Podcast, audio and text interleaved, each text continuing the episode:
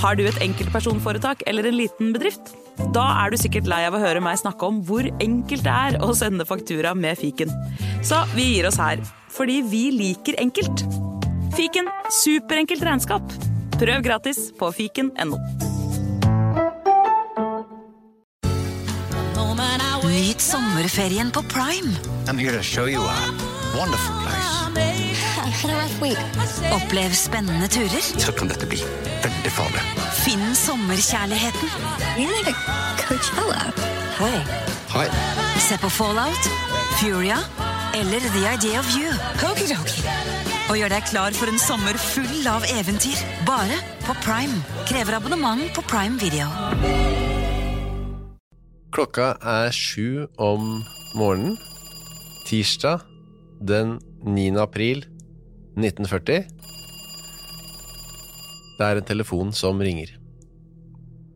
Det er hjemme hos banksjef Andreas Lund på Lillehammer.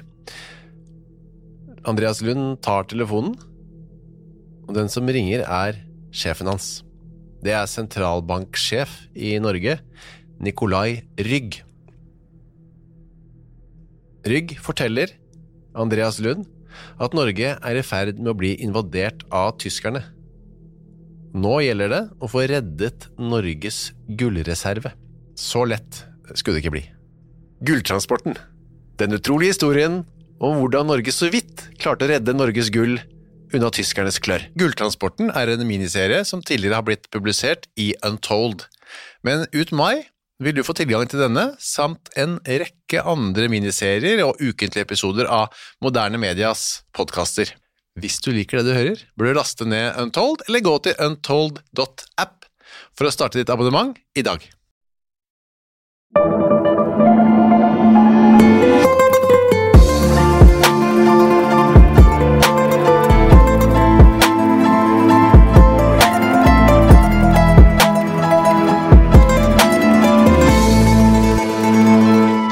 Hjertelig velkommen til Gangsterpodden.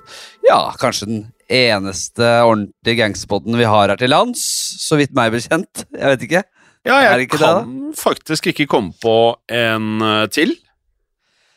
Nei, jeg har ikke sett noen ordentlig helspikka gangsterpodder her til lands, altså. Jeg har ikke det heller, skjønner du. Så Nei. jeg er vel eh, litt sånn at eh, vi har monopols enn så lenge. Det er i hvert fall uh, Henrik Fladseth som snakker her, og Jim, uh, Jim Fosheim på andre enden. Uh, vi spiller hjem Jeg spiller Verden har jo endret måten man spiller en podkast på, så vi sitter jo da i hver vår henholdsvis studio og seng og spiller Mm. inn denne episoden av Gangsterbånd. Jeg hadde trodd Nå er ikke jeg noen lege eller fysioterapeut, uh, Fladseth, men jeg hadde trodd at det ikke er optimalt for nakken din måten du presser huet ditt inn i gavlen på der. Nei, hvordan jeg trøkket eh, haka ned mot brøstet. Det er ikke, det er i hvert fall ikke bra for hvordan jeg ser ut, fordi dobbelthaka kommer voldsomt til sin rett. Oh, ja, nei, det er sånn jeg liker deg best, li- egentlig. He Men, eh, heldigvis bare det stygge trynet ditt uh, som, eh, som, som ser meg akkurat nå. Nei, jeg liker deg best når du presser haka ned i kassa, ja. Ja da. Nei, jeg, jeg, jeg, sitter jævla komfortabelt. Jeg må si det. Jeg må si det, jeg må si det. I, Ja. i, d- I dag, eh, Flatseth, så har vi eh, første del av en dobbeltepisode. Ja. Da vet, vi at, eh, da vet vi at det er en historie å, å, å, verdt å ta tak i. Ja, og det er jo sånn at ofte med historiske podcaster så er det mye menn. Eh, og når det kommer til gangstere, så er det i hvert fall mye menn som man prater om, eh, i hvert fall i gangsterpodden. Eh, men i dag så skal vi da innom en ganske brutal person. Eh, vi har tidligere vært innom noen mektige brutale damer. Eh, I dag skal vi definitivt prate om en til av de. Ja, Vi har jo da vært innom Griselda Blanco, Åh, for en fæling. Arthane uh, Brickman, eh, Stephanie St. Clair. eh, og så må vi da trekke fram kanskje den aller råeste, Xi Jinping. eh, denne dama som ble kalt for the godmother of uh, Chongqing, eh, som var da kjent som gudmoren i den kinesiske underverden. Så vi har vært Ja, ja, du ler nå, fordi det er, nå var det mye navn som bare Ja, der var det noen prøvelser, altså. Ja da. Jeg måtte eh, Alt fra alle verdensdeler måtte jeg måke gjennom her.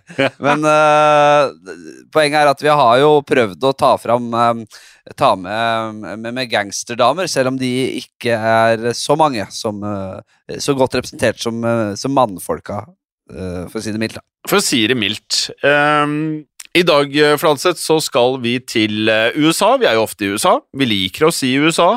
Eh, vi skal tilbake på 1930-tallet. Glansdagene av å være gangster sånn eh, historisk sett i USA. Og vi skal da eh, stifte bekjentskap med Kate Barker, som da mm, skal ha vært den mektige matriarken da, i en voldelig kriminell gjeng kalt The Barker Carpis Gang. Og det interessante her, Henrik, er da at Barkers egne sønner utgjorde kjernen i gjengen. Og Kate Barker, hun eh, fikk derfor kallenavnet Ma, altså som i mamma. Uh, du skjønner hva jeg mener, ikke sant? Ma. Ma. Ma. Ja. Ma, ma. Uh, og det er kanskje ikke det skumleste kallenavnet vi har hatt i podkasten så langt, men uh, Ma Barker var alt, alt annet enn harmløs, Henrik. Ja, skummelt Jo, ja, jeg skjønner hva du mener, men det er noe Det er noe på en måte brutalt Ja, ja. og noe mektig med å på en måte bruke eh, Bruke mo, mo, mors inst... Altså denne, denne, denne hellige Åh, moren som på en måte symbolet på en, på en kriminell organisasjon. Jeg syns det er litt hardcore, Ja. Du skal ikke tulle med en mor. Du skal ikke tulle med mor, liksom. Det er, det er noe med det. Uh, uh, vi kan jo også nevne at uh, FBI-direktør eh, J. Edgar Hoover omtalte henne som, og jeg siterer, The most vicious, dangerous and resourceful criminal brain of the last decade. Men var dette virkelig sant? Dette spørsmålet kommer vi tilbake til i disse to episodene om eh, Ma og denne Barker-familien. Kate M.A., eller Ma Barkers eh, fødenavn, var eh, faktisk da Arizona Donnie Clark. Eh, og Arizona hun ble født eh, 8. oktober 1873 i Ash Grove i Missouri. Hva syns du om det navnet? Arizona Donnie Clark. Jeg liker det. Ja, at, det, at, Det den ikke skulle, at, at den ikke skulle beholdes, det kan jeg ikke fatte og begripe. Det er veldig rart. Det er veldig rart. Um, og vi kaller jo da denne Arizona Donnie Clark for Kate eller Ma fremover, for ordens skyld. Og Kate hun var en, ehm, etter hva vi har forstått, en egenrådig eh, jente med mørke, borende øyne angivelig, eh, og et svært ustabilt eh, temperament, litt sånn som deg på scenen, Henrik. Eh, og sammen med søsknene så gikk hun da regelmessig i kirken og brukte fritiden på å synge og da spille noe som ikke er veldig skummelt nødvendigvis, men hun spilte fele! Er ikke det skummelt? Hva er det du Nei. snakker om, du, da? Det er jo det mest creepy greiene du kan uh, sitte borti et hjørne og spille. Og en FBI-rapport Kanskje eh, re rett etter eh, Rett etter harpe. Det er jævla creepy. Det er noe ordentlig creepy og skummelt med de de instrumentene der, ja. Hvis det hvis brukes feil eller riktig, alt ettersom. Jeg blir ikke redd av det, ass. Um, uansett, eh, som jeg var inne på her, det var en FBI-rapport som eh, karakteriserte Kates eh, tidlige liv som faktisk da ordinært. Mm. Men Ja. ifølge legenden så skal Kate som ung jente ha sett den fredløse banditten Jesse James og gjengen hans oh, ja. ri gjennom byen hennes, og denne hendelsen skal ha vekket ønsket hennes om da et, et eventyrlig liv på utsiden av loven. Men, men du, Fladseth, hvis, hvis vi har vært unge her i, i eh, USA på, på denne tiden det, Husk på TV, radio, sosiale medier Det er ikke en greie på denne tiden på samme måte som vi er vant til i dag. Eh, tror du vi hadde blitt fascinert av en, eh, en sånn eh, Jesse James, vi også? Ja, helt klart. Ja, for jeg jo- merker det. Vi er jo helt overstimulert. Det er ingenting som imponerer oss lenger. Og, eh, det, og vi sliter litt med å, å forstå hva som er virkelig og fake. Det er som eh, krigen i Ukraina. Det er sånn, sånn, ja, ja, men det er grusomt, men det er på en måte Det er noe vi er på en måte så utrolig overeksponert for, eh, og, og noe vi har sett så mye på film, at det er liksom vanskelig å begripe eh, at det er virkelig. Mm. Eh, så når du på en måte ikke har sett alle ting før, så blir du jo veldig grepet av uh, uvanlige ting. Da. Så når, når Jesse James og denne beryktede gjengen red gjennom byen, tenkte jeg det vagla liksom rolig gjennom uh, bygningene der med revolveren på, på beltet og, og hilste med, med bremmen der og var helt råe. Det er klart at det gjorde inntrykk. Mhm. Helt klart. Um, og akkurat det Er det fair å si at det kanskje er en myte? At hun så dem og ble inspirert, ja, det, kan, det er sånn klassisk myte. Klassisk, Det kan like godt være oppspinn, selvfølgelig. Ja, Men noe vi faktisk vet, er at hun i 1892 giftet seg med gårdsarbeideren George E. Barker og begynte å bruke fornavnet Kate. Og da var Kate blitt eh, rett under 20-åra, så hun var 19 år gammel. Og sammen så fikk de da fire sønner. De fikk Herman, Lloyd, Arthur og Fred. Og når jeg, når jeg sier Arthur, så tenker jeg på han i Peaky Blinders. Broren til Tommy. Ja da. Åh. Um, og så kan jeg legge til at det kommer jo snart uh, siste sesong av Peaky Blinders. vet du. Det blir jo helt uh, sykt. Den hadde jo faktisk har hatt ja, Nå spiller vi inn, og eh, ikke, vi slipper jo ikke helt likt som vi spiller inn. Den har jo hatt premiere as we speak. Ja, Det har ikke jeg fått med meg. Så for meg så kunne den like gjerne Å ja, den har det? På Netflix, eller? Ja, jeg, jeg bare får det med meg i en eller annen sånn Insta-konto. Ja. Unilad, eller hva faen det er jeg driver og scroller meg gjennom der. Ja, Jeg har i hvert fall ikke sett at det har kommet på Netflix. Det det Men bruker, dette har jeg ingenting med Peaky Blind- Blinders å gjøre. Jeg har litt av det samme fornavn på den ene her. Uh, uansett, ifølge mm, FBI-rapporter så var eh, Kates mann uh, Han var ikke akkurat ambisiøs, og han slet rett og slett med å holde på noen form for jobb. Og familien levde dermed i Altså, det var trange kår. eh, og de flyttet da fra by til by i Missouri og Oklahoma mens eh, guttene vokste opp, altså i ung alder. Mm. Et FBI-dokument forteller at eh, Barker-paret Ja, de, de brydde seg rett og slett ikke noe særlig om sønnenes utdanning, og at alle der, hele gjengen, var mer eller mindre analfabeter, oh, ja, sier dette eh, dokumentet. Og øh, det er derfor kanskje ikke så rart at uh, sønnene til Kate i ung alder søkte seg mot kriminalitet. Uh, og, og, og det hele begynte i det herrens år 1910. Vi skriver 1910. Eh, Da den eldste sønnen Herman, bare 17 år gammel, guttungen, eh, ble arrestert for å ha stjålet en bil på motorveien eh, og ha kjørt på et barn under flukten. Ja. Stygg sak. Og Herman ble arrestert på nytt for lignende forbrytelser fem år senere. Så lignende forbrytelser er det vi eh, får oppgitt i kildene våre. Om det var et nytt barn som ble påkjørt, det er jeg usikker på. Men at han eh, var ute og gjorde pøbelstreker, det var det ingen eh, tvil om. Oh, ja. Eh, så han ble tatt på nytt da i 1915, så han var inn og ut av, av, av custody og fengsel. Og familien bodde nå da i Tulsa, Oklahoma, og brødrene ble gradvis innlemmet i en lokal gjeng, den beryktede Central Park Gang. Mm. Og Central Park Gang eh, de var en av eh, bandene de som eh, gjorde seg gjeldende under forbudstiden, som alle lytterne nå har fått med seg. Det var Gangsters Paradise, dette her. som da begynte da det nasjonale alkoholforbudet ble innført i 1920. Eh, og gjengen de spesialiserte seg på diverse ting, men det de ble kjent for, var rett og slett bankran, gjerne av den voldelige sorten.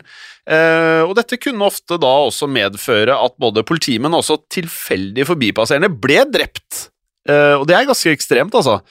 Og både Herman Lloyd og Arthur eh, Barker var eh, svært aktive i gjengen. Arthur han var for øvrig den nest yngste sønnen, og han likte å bruke pseudonymer som Og det har vi hørt eh, tidligere, kanskje ikke i gangsterverdenen, men Doc Holiday har nok de fleste hørt om. Han likte å kalle seg Doc.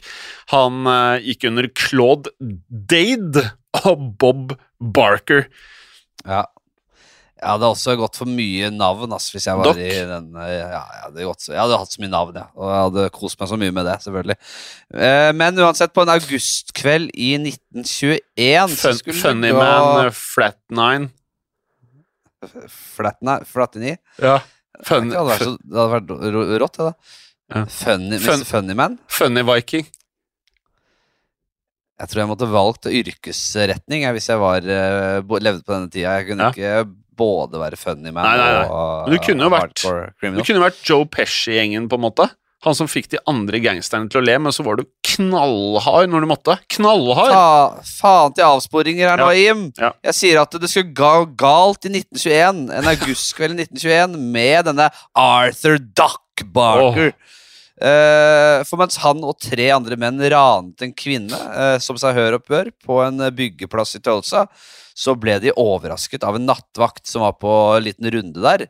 Eh, og vakten åpnet ild. Arthur han kjørte tilbake og, og, og drepte vakten. Det var han som fikk overtaket den eh, lille shootouten der. Mm. Og Arthur ble kort tid etter dette arrestert for drapet og rett og slett dømt til livstid.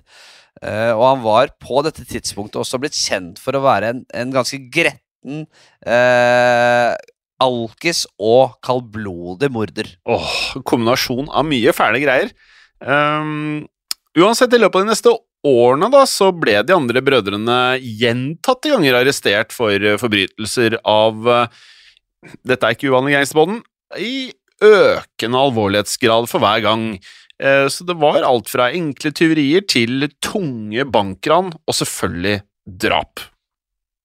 Ja, men eh, vår kvinne, dagens kvinne, får vi si, Ma, eh, Kate Ma Barker, brydde seg lite om at sønnen var harde kriminelle, og hun straffet dem heller ikke for dette. Hun var faktisk ganske kjent for å ofte si If the good people of this town don't like my boys, then the good people know what to do. Ja. Eh, på norsk, hvis de gode menneskene i denne byen ikke liker gutta mine, så vet de gode menneskene hva de skal gjøre. det var ikke fordi jeg syntes det var morsomt, jeg bare har litt sånn etterslep av koronaviruset. Ja da. I eh, 1926 ble også da eldstebror Herman innhentet av eh, skjebnen, for han deltok i et ran i stedet som jeg ikke hadde hørt om før vi gjorde research denne episoden her, nemlig Joplin, eh, som også var i Missouri. Og dette mm, Ranet ble rett og slett avbrutt av eh, politiet, og det oppsto da en eh, skuddveksling hvor eh, Herman da skjøt en politimann i munnen på kloss hold. Det er ganske ekstremt, ja. Det er hardt. Det er så hardt, og politimannen han døde selvfølgelig på stedet, mens Herman selv skal da ha blitt eh, hardt såret, han også, av, av skuddskader. Eh, han var da med andre ord ute av stand til å rømme fra eh, skuddvekslingene som fant sted. Eh, også resten av ranerne, som alle var en del av denne Central Park Gang, ble også arresterte. Og Herman han forsto at han kom til å bli sittende inne i eh, fengsel resten av livet, slik at den 29. august 1927 så begikk han faktisk selvmord da i eh, fengselet, i Wichita i Kansas. Og dette markerte da på mange måter slutten for The Central Park Gang. Men episoden er jo ikke ferdig her. Nei, nei, nei. Det er det den ikke er, og det er det som er spennende her. Hva, hva, hva skjedde videre her? Hva skjedde videre her? For I 1928 så ble de to gjenværende eh, frie Barker-brødrene, Lloyd og Fred, fengslet for å ha vært involvert i Central Park Gang, og også da en lang rekke lovbrudd. Lloyd og Fred de, ja, de satt inne, de sona sine dommer i hvert sitt fengsel i Kansas, eh, mens Arthur han satt allerede eh, i buret. Han satt jo da i Oklahoma. Kate Parker satt eh, rett og slett eh, alene igjen med ektemannen George, eh, som var en eh, slappfisk, altså en unnasluntrer, eh, og med det en eh, ikke verdens beste familieforsørger. Ræva familieoverhode, må Ja, veldig si. dårlig. Skikkelig, skikkelig ræva familieoverhode. Ja. var han George. Dårlig. Dårlig. Kate og George de hadde da eh, selvfølgelig hatt en haug med krangler opp gjennom årene om eh, sønnenes kriminelle liv. Og som vi mm, skal da ha fått med oss her, så støttet da Kate guttene sine gjennom altså her boys. Altså Ma støttet her boys gjennom tykt og tynt, og brydde seg lite om at de da var å anse som tungt kriminelle. Og hun skal til og med ha kontaktet fengselsdirektører og komiteer for å da fremskynde løslatelser for boysa hennes. Men George han var langt fra like støttende, og han skal også ha nektet å hjelpe Lloyd da han ble arrestert. George han insisterte faktisk overfor politiet på at Lloyd skulle straffes for sine forbrytelser, så han var stikk i strid med Ma. Ja, Men nå var Ma forbanna på den latsabben av Ja. idiotmannen han skaffa seg. Jeg gadd ikke det gamle skinnet der. Hun kasta George rett ut av huset, faktisk, i 1928. Eh, og FBI, altså Ifølge noen kilder så gjorde hun det. Kasta han rett på dør. Uh, og FBI-dokumenter sier uh, imidlertid at det var George selv som forlot kona, uh, fordi hun etter sigende da var loose in her moral life. At hun ikke hadde sitt moralske kompass på plass. da Uh, og at hun også da gikk på stevnemøter uh, såpass, altså, såpass ille at hun gikk, på, gikk på, på dates da med andre menn. Eh, og andre hevder igjen at George fikk eh, nok av dette rotete livet med Kate og deres kriminelle sønner, og at han rett og slett trakk seg rolig unna. Men uh, man vet uansett lite om hva som skjedde, skjedde med George etter dette. Nei, Man vet ikke så mye om det, men Kate um, hun ble med dette tvunget til å klare seg helt alene, selvfølgelig. Hun eh, var jo boende i en rønne med jordgulv. Tenk deg det, Flatseth. Du trasker rundt på jord hjemme. Ja, Hæ? Ikke så uvanlig på den tida der, skjønner du. Ja. Ruller deg ut av sengen nå, så er det rett ned på jorda. Eh, og hun levde da i voldsom fattigdom eh, i de tre årene mens sønnene var fengslet. Og eh, hun skal videre ha giftet seg med en Ikke nødvendigvis eh, Utgangspunktet var ikke den beste forsørgeren der heller, en arbeidsløs kar ved navn Arthur, han også, nemlig Arthur Dunlop. eh, og prøvde med det å holde motet oppe inntil sønnene ble løslatt. Ja, Men eh, så skulle Altså, da livet Altså, Ja. altså, det er jo ikke bare penger hun sikkert var ute etter hos eh, Arthur. Nei, jeg kan- at Skal jo leve, hun òg, Ma. Glad i kukkpikk, liksom? Er det det du tenker? Ja, jeg tenker det.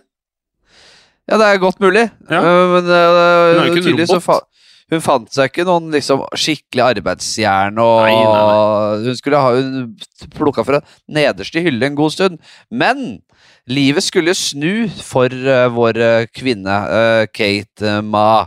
For da den yngste sønnen Fred satt i fengsel, så ble han etter hvert god venn med cellekameraten sin, Alvin Carpis. Og Carpis han var en rett og slett serieforbryter og voldsmann av uh, annen verden. Han var en skikkelig jævel.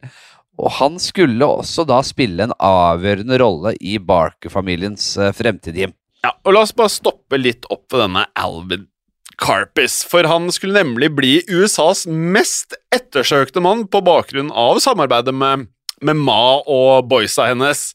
Og han het egentlig Alvin Francis Karpowitz, eh, og han ble født 10. august 1907.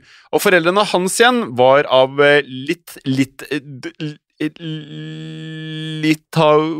litauiske. Litau, litauiske eh, opprinnelse, litausk opprinnelse, eh, som da bodde i Montreal i Canada. Det var ikke så lett, det der. Litauiske. Litauiske. Og han fikk senere kallenavnet Creepy på grunn at han skal angivelig ha hatt et veldig ekkelt, guffent og skummelt smil. Fladseth, tenk deg det! Da, det er et fælt smil, ja. Ja, det var rett og slett en ordentlig søppelgjeng, hele familien og alle de omga seg med. Og, og, og, familien sjøl og, og mennene til Ma og vennene til gutta. Det var bare creepy folk hele veien, har jeg inntrykk av. Eh, Carpis, creepy Carpis, han begynte med kriminalitet i en alder av ti år. Såpass ungt skal det være, det vet vi. Og da hang han rundt med gamblere, smuglere, eh, halliker og det ene og det andre. Og som 19-åring så ble han dømt til ti års fengsel i Kansas for et innbruddsforsøk. Men Carpis lot seg ikke stoppe av det, for etter fire år igjen så etter fire år i fengsel så rømte han sammen med en annen eh, innsatt, Lawrence DeVoll.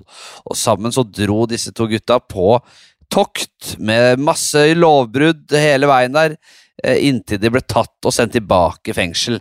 Og Carpis ble deretter overført til fengselet der Fred Barker satt, og de to ble da altså gode polare. Ja, Så da både Fred og Carpis ble løslatt i 1931, og da tok Fred med seg den nye kompisen sin rett og slett eh, hjem til Ma.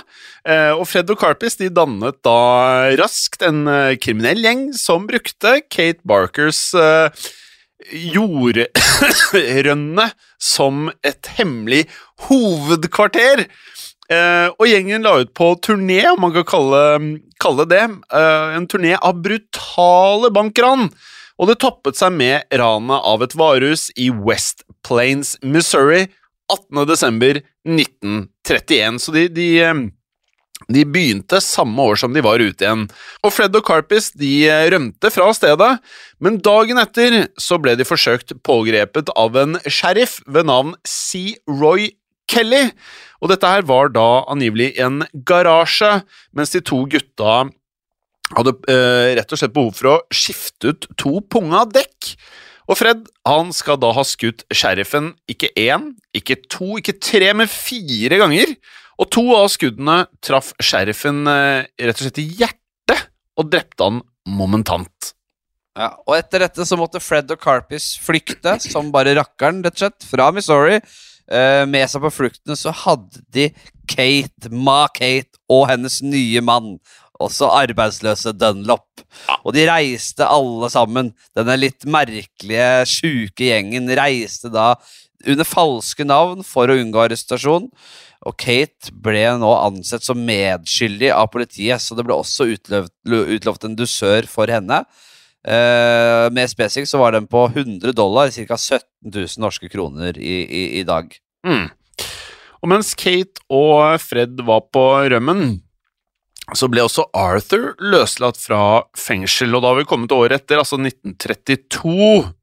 Og Arthur han eh, sluttet seg selvfølgelig til Fred og Carpes sin gjeng, som da ble hetende The Barker Carpes Gang. Enkelt og greit, men eh, kanskje ikke den kommersielle klingen som jeg er vant til. Og denne kjernen av disse tre gutta ble fort eh, supplert med også andre kriminelle. Og gjengen de valgte å slå seg ned i St. Paul i Minnesota, fordi byen hadde et rykte på den tiden som et fristed for ettersøkte kriminelle. Og politimesteren i byen, i St. Paul, eh, han het Thomas eh, Brown, kalt Big Tom. Han var, etter hva vi kan forstå, gjennomkorrupt, og samarbeidet i all hemmelighet da med flere kriminelle. Ja. Uh, og og ja, vi har vært gjennom uh, mange episoder her, og vi har vært gjennom uh, en del elegante gangstere. Og så har vi vært igjennom en del white trash, for å si det Ja da. sånn. da. Ja da. Her er det white trash. Her er det Ja skikkelig sånn der eh, Ja, dette her er eh, Ja, dere skjønner. Barker Carpers altså, Det blir så tungvint å si det. Fader at de skulle bytte navn, da. Barker Carpers-gjengens mest beryktede forbrytelser ble begått etter denne flyttingen til St. Paul, ettersom gjengen da kunne øh, operere fritt under beskyttelse fra denne Big Tom, denne politimesteren. Ja. Thomas Big Tom Brown. Åh, big Tom, ass. Men um, Ma, altså nye mannen til Ma, herr Dunlop, han hadde rykte på seg for å slenge med leppa av og til, han eh, Fladseth, og det var eh, spesielt mye av det når han hadde drukket. Han ble stadig mer mislikt av medlemmene i gjengen. Han drakk mye òg, vet du, så det var jo en ond sirkel, det der. Ja, ja, ja. Han ga seg aldri, han der. Og Carpis eh, beskrev ham eh, eksempel som eh, en pain in the ass, og det tror jeg på.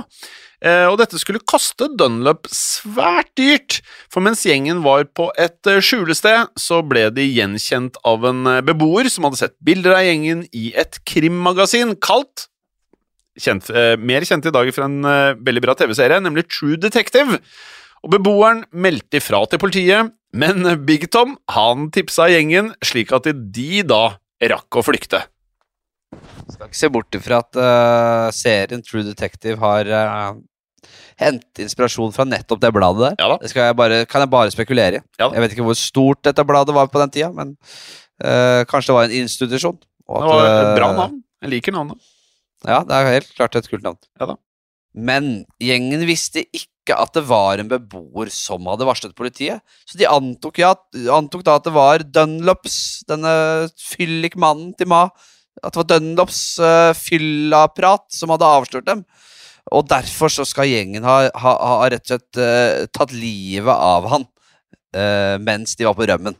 Mm. Uh, og vi, vi, har ikke, vi har ikke helt klart å finne ut hva Ma, hva Kate syns, syns om dette her, men Dunlops nakne kropp ble i hvert fall funnet nær Webster, Wisconsin, eh, med da ett enkelt kulehull i hodet, som vitner om en ren henrettelse.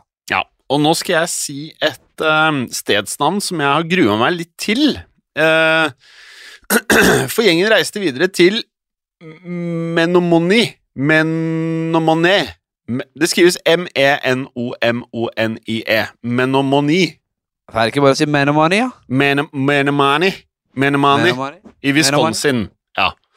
Uh, og um, i Menemani, i Wisconsin, der uh, var det slik at Fred Barker han eh, valgte å gjemme bort Kate på en rekke hoteller og skjulesteder, og hensikten med å gjemme vekk henne, det var rett og slett å hindre henne fra å vite hvor mye eh, gjengen faktisk begikk av forbrytelser, men også for å skille Ma fra kjærestene til brødrene, for Ma Barker, hun kom nemlig ikke overens med disse kvinnene. Eh, hvordan er forholdet til eh, din eh, dame og din mor? Ganske fint, det. Altså. Det er ikke betent. Du gjemmer deg ikke vekk. Nei. Det kan jo på ingen måte sammenlignes med denne familien her i det hele tatt. Så det er I et vestlig, eh, rolig samfunn så er det helt gjennomsnittlig, vil jeg si. Ja, ja. Ehm, og FBI de meldte senere at uh, Ma prøvde å mm, bryte opp ethvert forhold som uh, Her Boys uh, hadde. Jeg liker stilen til Ma, så jeg må si det. Og dette gjorde at de andre kvinnene som var involvert i, med noen av gutta i gjengen, de gjorde sitt beste for å unngå Ma. Ja. Svigermor fra helvete, kan vi vel si. Oh. I desember 1932 så utførte gjengen et ran i Third Northwestern National Bank i Minneapolis, og dette endte med en voldsom skuddveksling med politiet, der to offiserer og én sivilist eh, ble drept, og et halvt år senere så ranet Barker Carpes-gjengen en lønningsskranke i en bank i St. Paul, og Arthur Barker skjøt og drepte en politimann som het Leo eh, Pavlak, eh, etter da at denne Pavlak hadde overgitt seg. Så de var noen jævler. De, de kjørte virkelig på her. Og gjengen de klarte å komme seg unna igjen, men det satte fart på omdømmet deres som en eh, gjeng som var eh, Altså, de var farlige, men de var å regne med. Og noen hevder at det faktisk var eh, politimesteren, altså Big Tom, som ga gjengen rådet om å heretter slutte med bankran, ettersom den form for ran var altfor risikable og skapte for mye publisitet. Ja. I stedet satte Barker Carpus-gjengen eh, i gang med en ny kriminell virksomhet, som skulle vise seg å være svært innbringende, men absolutt ikke helt uten publisitet knyttet til det. Tvert imot! Hva dette dreide seg om, skal du få høre mer om etter en kort pause. Velkommen tilbake til Gangsterbånden. Før eh, pausen så hørte vi at uh, de fire brødrene Barker og deres lojale mor Kate, eller Ma, da, slo seg sammen med Alvin Carpis og dannet en kriminell gjeng. Men da gjengen ble ettersøkt etter et brutalt bankran i 1932, så bestemte Carpis og Barker-brødrene seg for å finne en lettere måte å tjene penger på. Jim Fosheim. Langt lettere måte, fordi det de gjorde, det var jo Kanskje verken første eller siste gang det har blitt gjort, men eh, de begynte i stedet å kid kidnappe folk, gjerne rike forretningsmenn, med selvfølgelig da hensikten å presse eh, de store familiebedriftene for løspenger. Og på dette tidspunktet i historien så hadde gjengen også dannet eh, relasjoner til eh, mafiaen i eh, nærliggende Chicago. Og denne italiensk-jødiske mafiaen i Chicago det gikk under navnet The Chicago Outfit. Vi har vært innom de tidligere i Gangsterpodden, og vi har egne episoder om det i vanlig historiepodden, faktisk. og en av bossene her var Harry Sawyer, og han ga Barker Carpus-gjengen i oppdrag å kidnappe en eh, svært velstående type. Ja. En uh, varm junikveld, og vi skriver 1933, så jobbet William A. Ham eh, junior, faktisk, Uh, direktør for uh, Theodore Ham Brewing Company. Han jobbet på kontoret sitt i St. Paul, Minnesota.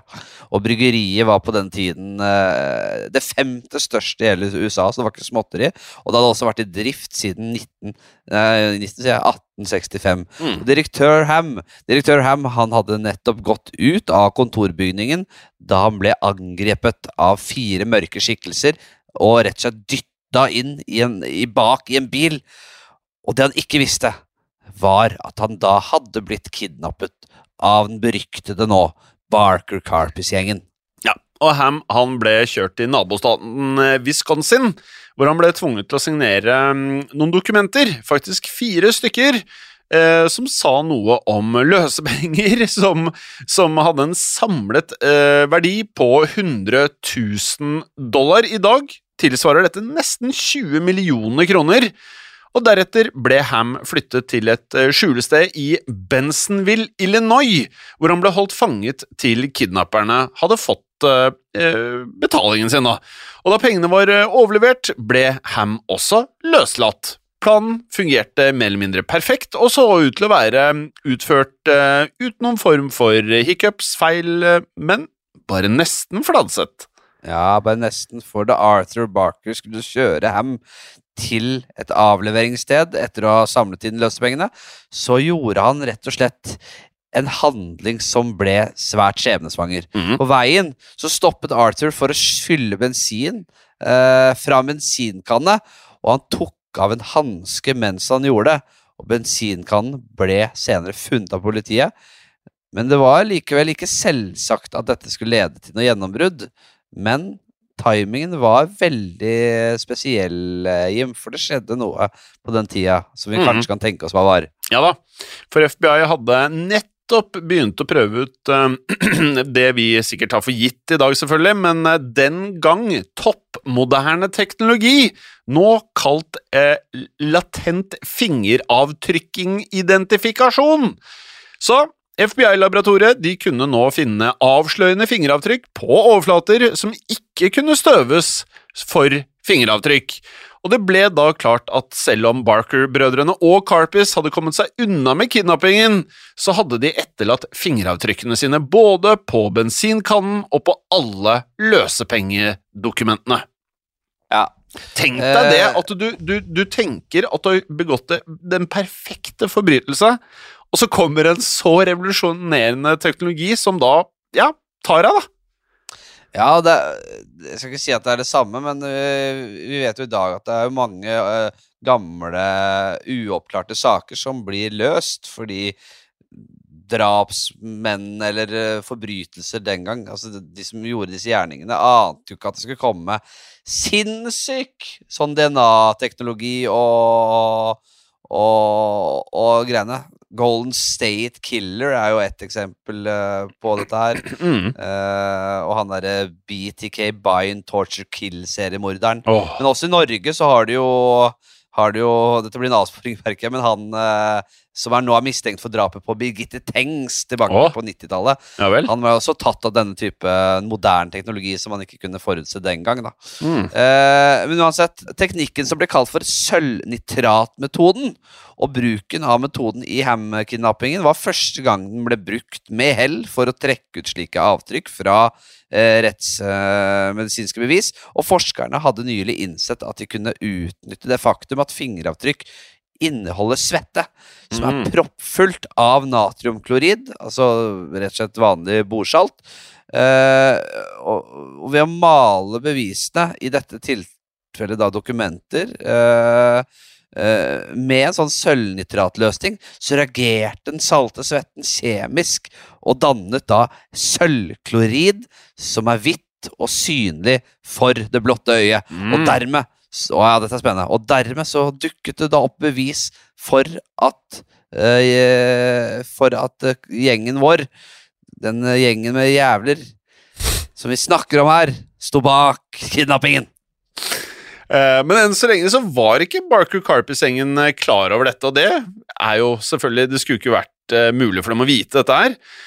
Og på oppdrag fra den tidligere nevnte mafiabossen, nemlig Harry Sawyer, altså fra The Chicago Outfit, planla de nå en ny kidnapping mens alt dette foregikk. Og denne gangen så eh, rettet de seg mot en uh, velstående bankmann ved navn Edward Bremer jr. Ja. Uh, Edward uh, Bremer han var en 34 år gammel direktør. Fått uh, relativt ungt for å være Mhm. direktør, spør du meg. Han jobbet da for Commercial State Bank, og faren hans, Adolf, Adolf Bremer, han var også bankmann og eier av ølbryggeriet Schmidt også. Mm. Det antas at Bremer ble valgt ikke bare pga. rikdommen sin, men også pga. en personlig vendetta, Mm. muligens da knyttet til forbudstiden. Eh, til da forbudstiden opphørte samme år. Og Schmidt-bryggeriet skal nemlig ha overlevd eh, forbudstiden ved å samarbeide med spritsmuglere eh, som Harry Sawyer. Men så fort forbudet var over, så kuttet Bremer alle bånd til sine kriminelle partnere, og det skulle han da kanskje få svi for. Ja. Den eh, 17. januar 1934 ble Edward Bremmer kidnappet på åpen gate i St. Paul. Eh, og dette var når han var på vei til jobben. Eh, og han skal da rett og slett eh, akkurat ha satt av datteren på skolen da han ble oppsøkt av to karer, hvor den ene var Arthur Doc Barker. Og Arthur han slo og pisket Bremmer med en pistol opptil flere ganger, og tvang Bremmer inn i hans egen bil, men så fikk Arthur problemer med å starte bilen. Dette er jo noe jeg tenker når jeg ser skrekkfilmer, så får alle problemer med å starte bilen akkurat på det tidspunktet der. Men dette her er eh, også tilfellet for Arthur. Han eh, ba den eh, sterkt blødende Bremmer om hjelp til å få bilen i gang, og deretter så Har du, har du tenkt på eh, Setter vi nok pris på moderne hva skal jeg si, ignition technology? Nei, nei vi gjør ikke det, Flatseth. Nei, du, nei det, ne, du, Husker du sist du ikke fikk start på en bil? Nei, Det husker jeg ikke. Det, og, og hvor ofte skryter vi av det? 'Å, nå har det blitt bra å tenne Nei, bilen!' ja. Og- Man, man er for dårlig til å skryte av de tinga som faktisk går bra. Ja. det er bare å skyte det inn her. Ja, men jeg er helt deg enig med deg. Jeg må gå an å ta litt selvkritikk der, altså. Tenk hvor digg det hadde vært for bankranere og, og, og folk i skrekkfilmer og sånn, hvis de hadde hatt moderne eh, tenningsteknologi, da. Fy fader. Det hadde aldri vært et problem. Men det var ikke noe problem her heller, da, for han fikk jo hjelp. Altså, Hvorfor i helsike skulle han hjelpe Han satt der og blødde, hvorfor skulle han hjelpe ham å starte bilen? Det skjønner ikke jeg. Men uansett, han gjorde nå en gang det. Og deretter så kjørte Arthur og gjengen av gårde, og byttet senere til en annen bil. Så de tok en eh, gammel switcheroo. Um, og det, dette blodige kjøretøyet ble jo da selvfølgelig funnet, og nå har vi jo lagt opp til at teknologien for å finne disse gærningene har jo endret seg voldsomt. uh, og dette skapte jo da uh, frykt for at Bremmer uh, var blitt drept når de fant denne blodige kjerra. Ja. Og Barker-brødrene og Carpis de holdt Bremmer fanget i Bensonville, Illinois. Og Bremmer han ble holdt innesperret da i et trangt, bitte lite rom, som er forferdelig, selvfølgelig. Hadde likt det dårlig selv. Ja, likte veldig dårlig. fortalt, ja, og Bremmer eh, han ble fortalt at familien hans ville bli drept noe så voldsomt hvis han sa noe eh, til politiet. Han ble også bedt om å oppgi navn på personer som kunne være budbringere. Og via en forretningspartner av Bremmer så fikk Barker-gjengen sendt ut et løsepengekrav på 200 000 dollar, altså 37, 000, 37 millioner, Millioner, norske kroner Ja. i dagens verdi, sånn cirka. Det er meget. de-. De, ja, de, de, tok, eh, de tok litt mer hver gang, liksom. De, ble, de skjønte at dette gikk, da. Mm.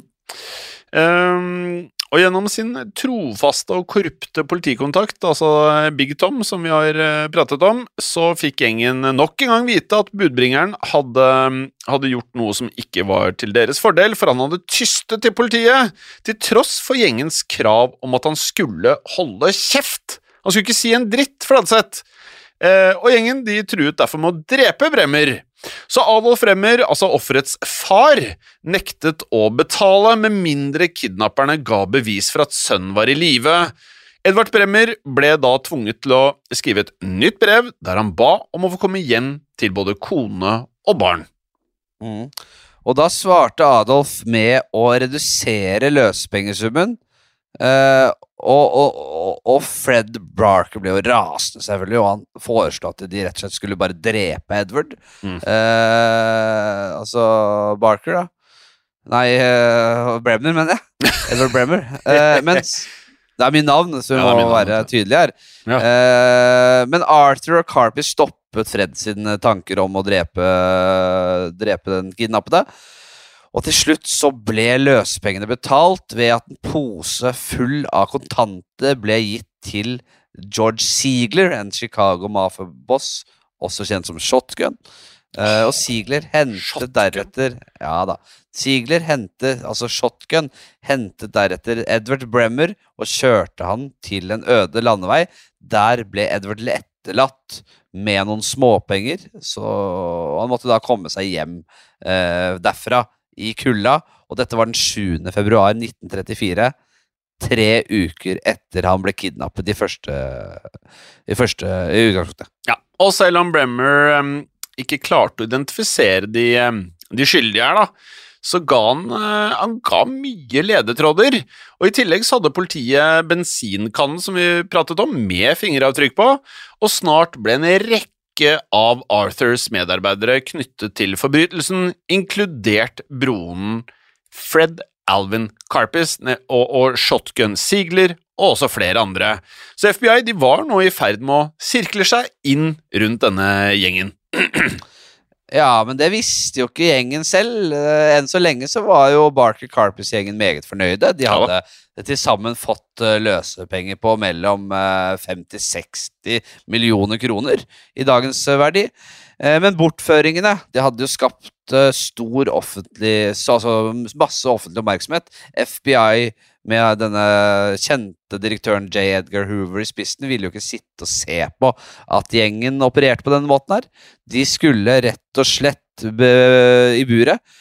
Hoover han satte alle kluter til han for å prøve å sette eh, Barker-familien og Alvin Carpis i bak lås og slå, og ikke uten dramatikk heller, som vi skal få høre, Jim. Ja, for I neste del av historien så skal vi fortelle dere om hvordan Ma og Boysa møtte sin skjebne.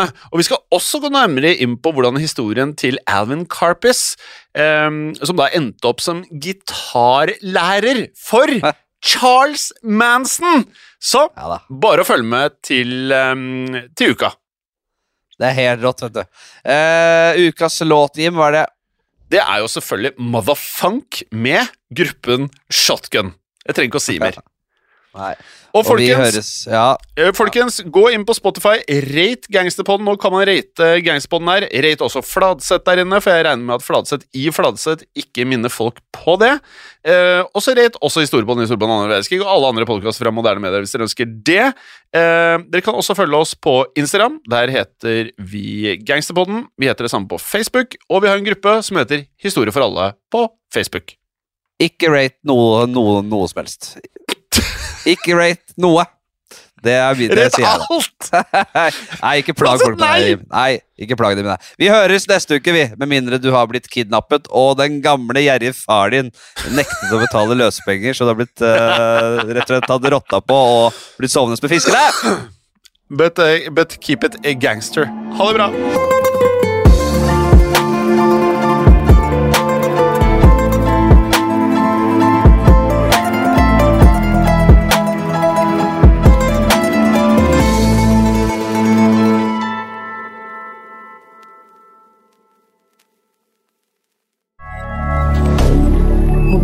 Media. Si signore, Morten. Uh, ciao, Jim. Prego. Og ciao eller prego til alle våre kjære lyttere. Og i dag så har vi en stor eh, eh, til eh, Ja, dere alle sammen. Et tilbud som lytterne kanskje ikke kan si nei til. For vi har bestemt oss for å gi dere en liten smakebit på hva man får med abonnement i Untold. Eh, si, men hva er Untold, Morten? Uh, Untold er en app, app der du kan høre en rekke podkaster. Mange titalls podkaster helt uten reklame. Ja, og ut uh, mai så kan uh, alle lytterne våre da høre episoder som du vanligvis kun ville kunnet høre i Untold. Ja, for eh, som Untold-kunde så får du nemlig en ny reklamefri episode av Gangsterpodden hver eneste uke hele året. Ja, og i eh, Untold så får du også ukentlige episoder av Synderne, eh, som da er Synderne, og True Crime-podden, samt masse miniserier som du og jeg er med i, blant annet samlingen av Japan og også Ukrainas turbulente historie. Ja, og så får man jo også tilgang til Historiepodden, og der vil man kunne høre episoden om torgslaget i Kristiania i forbindelse med 17. mai, og den bør alle få med seg. Ja, og det tenker du er spesielt relevant, for vi er i mai måned, da, eller? Det er nettopp det, vet du. Si, og er det sånn at du som nå hører på, sitter igjen og tenker at du ønsker å høre en ny episode av Gangsterpodden hver eneste uke? Da er jo dette her veldig enkelt, for da er Untold løsningen for deg. Nettopp, så da går du inn på AppStore eller Google Playstore og laster ned Untold, eller du bruker nettleseren og går til untold.app for å starte ditt abonnement i dag. Si, og da kan du da få 30 dager helt gratis hvis du ikke har gjort dette tidligere også, og det er jo en eh, overraskelse du ikke kan si nei til. Ja, Det er en grunn til å ikke sove med fiskene. ja, det er det, men også holde det gangster. Ha det bra! Hei, Fredrik og Bjørn Henning her. Vår nye podkast Fordomspodden den er ute nå. Podkasten der norske kjendiser møter seg selv i døra. Har Kristin Gjelsvik alltid drømt om å lære seg å jodle? Ler Stig-Henrik Hoff av eventyret Askeladden som kappåt med trollet? Bytter Katrin Sagen dobørste minst to ganger i året? Og har Didrik Solli Tangen sunget My Heart Is Yours som nattasang for barna sine? Hver uke blir nemlig én ny gjest konfrontert med både store og små fordommer i vårt forsøk på å komme til bunns i hvem de egentlig er.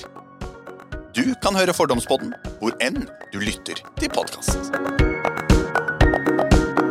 Hei, og takk for at du hører på denne podkasten. Bøddel er en eh, miniserie som tidligere har blitt publisert i Untold, men ut mai vil du få tilgang til denne samt en rekke andre miniserier og ukentlige episoder av Moderne Media sine podkaster.